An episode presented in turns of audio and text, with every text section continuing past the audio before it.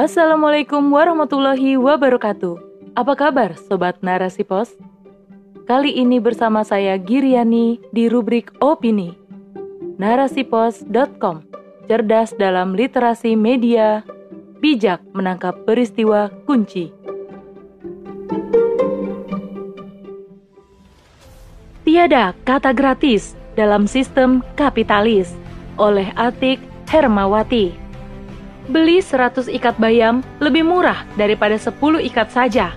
Itulah kiasan yang disampaikan dalam cuitan netizen Dr. Tompi dalam akun Twitternya. Cuitan di atas merupakan salah satu dari banyaknya kritikan masyarakat terhadap mahalnya harga PCR selama ini. Meski pada akhirnya pemerintah memutuskan untuk menurunkan harga tes PCR tersebut. Melalui kanal YouTube Setpress, Minggu 15 Agustus 2021, Presiden Joko Widodo memerintahkan agar biaya tes PCR di kisaran Rp450.000 hingga Rp550.000. Putusan itu disampaikan pada Kementerian Kesehatan dengan harga awalnya ialah Rp900.000. Namun, di satu sisi, negara juga mengevaluasi atau mengaudit lembaga-lembaga penyelenggaraan tes agar tetap memberikan pemasukan bagi negara. Menteri Keuangan Sri Mulyani Indrawati mengeluarkan beleit anyar yang berbentuk Peraturan Menteri Keuangan atau PMK nomor 104 garis miring PMK titik 02 garis miring 2021 tentang jenis dan tarif atas jenis penerimaan negara bukan pajak atau PNBP layanan uji validitas rapid diagnostic test antigen yang berlaku pada Kementerian Kesehatan atau Kemenkes. Tarif yang ditetapkan pada uji validitas rapid diagnostik tes antigen adalah sebesar Rp694.000. Selanjutnya, tarif atas jenis penerimaan PNBP ditetapkan 0% atau Rp0. Namun, besaran, tata cara, dan persyaratan pengenaan tarif sampai Rp0 atau 0% tersebut harus terlebih dahulu mendapat persetujuan Menteri Keuangan. PMK itu sendiri mulai diterapkan pada 18 Agustus. Tes PCR merupakan salah satu hal yang sangat penting dalam masa wabah COVID-19 saat ini. Dengan tes tersebut akan diketahui yang positif terinfeksi atau negatif. Upaya memisahkan yang sehat dan yang sakit ialah satu rangkaian untuk menangani pandemi. Sudah seharusnya berbagai hal dalam proses itu harus dimudahkan bagi masyarakat dan bebas biaya, sehingga tes secara merata dapat terlaksana. Penurunan harga yang telah ditentukan belumlah menyelesaikan persoalan. Harga sebesar itu masih terlalu mahal untuk masyarakat umumnya. Sebelum pandemi saja, sangat banyak rakyat papa, apalagi kini kemiskinan semakin bertambah jumlahnya. Harapan agar banyak yang dites akhirnya menjadi isapan jempol belaka Bila satu keluarga yang terjangkit, ratusan ribu itu menjelma menjadi jutaan rupiah untuk sekali tes saja. Apalagi di tengah pandemi yang semakin menggila, tes tersebut harus dilakukan berkali-kali. Belum lagi dukungan pemerintah terhadap fasilitas kesehatan seperti laboratorium dan diagnostik sangatlah minim. Tidak mengusahakan untuk memberikan jaminan suplai dan finansial secara memadai keuntungan dalam pengadaan barang selalu diperhitungkan. Subsidi tak nyata, kelancaran penyediaan alat tes dan penunjang lainnya pun masih dipertanyakan.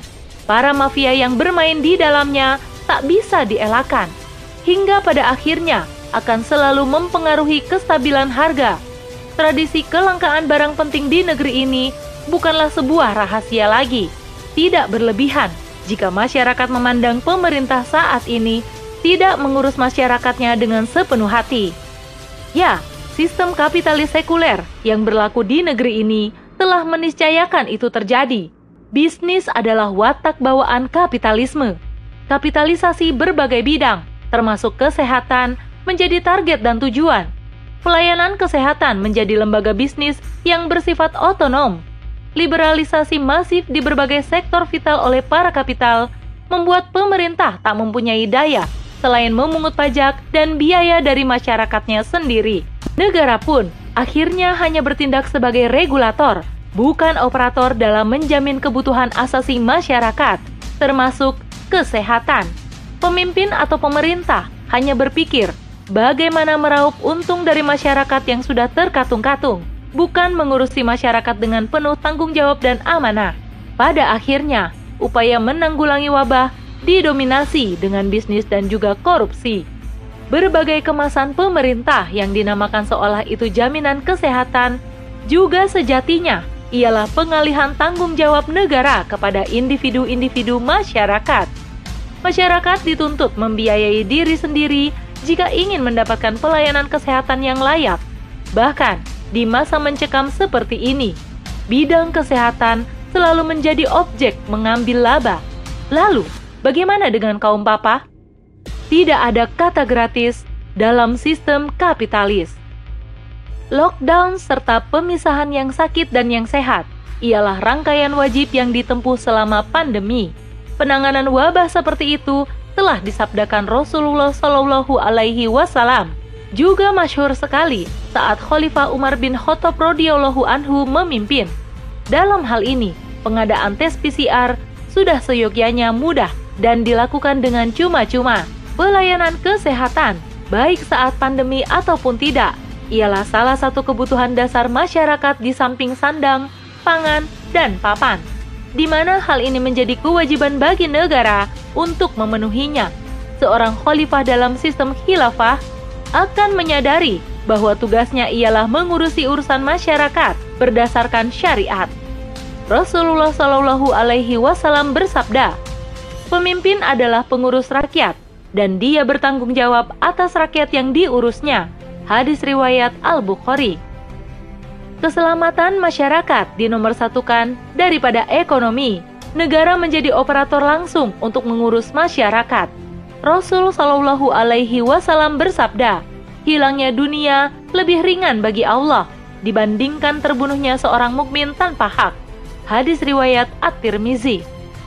Laboratorium, diagnostik, klinik, rumah sakit, dan fasilitas lainnya yang lazim diperuntukkan bagi masyarakat ialah sarana yang dibangun negara, ditujukan gratis, dan memadai secara kualitas dan kuantitas. Hal ini untuk memelihara urusan dan hak masyarakat akan jaminan kesehatan. Dalam kitab Al-Amwal Fid Daulah Al-Khilafah, Syekh Abdul Qadir Zalum mengatakan bahwa negara dalam hal pengadaan sarana-sarana tersebut tidak mendapat pendapatan sedikit pun atau tidak diperbolehkan untuk melakukan pungutan dari masyarakat. Yang ada justru subsidi yang terus-menerus, sehingga dikatakan bahwa jaminan kesehatan dalam sistem Islam ialah gratis untuk seluruh masyarakat tanpa membedakan kelas ataupun memperhatikan tingkat ekonominya.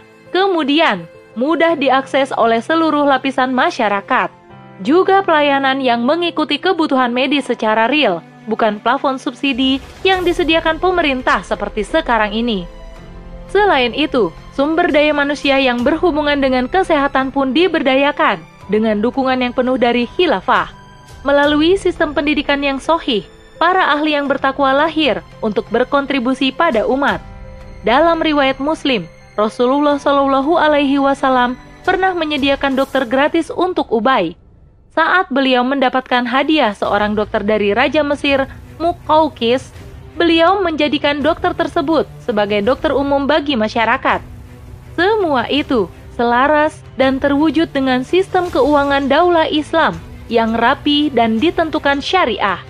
Anfal, Gonima, Fa'i, Humus, Khoroj, Jizyah, harta milik umum atau sumber daya alam, harta milik negara, usyur, zakat, dan lainnya sangat cukup untuk memberikan pelayanan kesehatan untuk masyarakat secara layak dan tanpa biaya.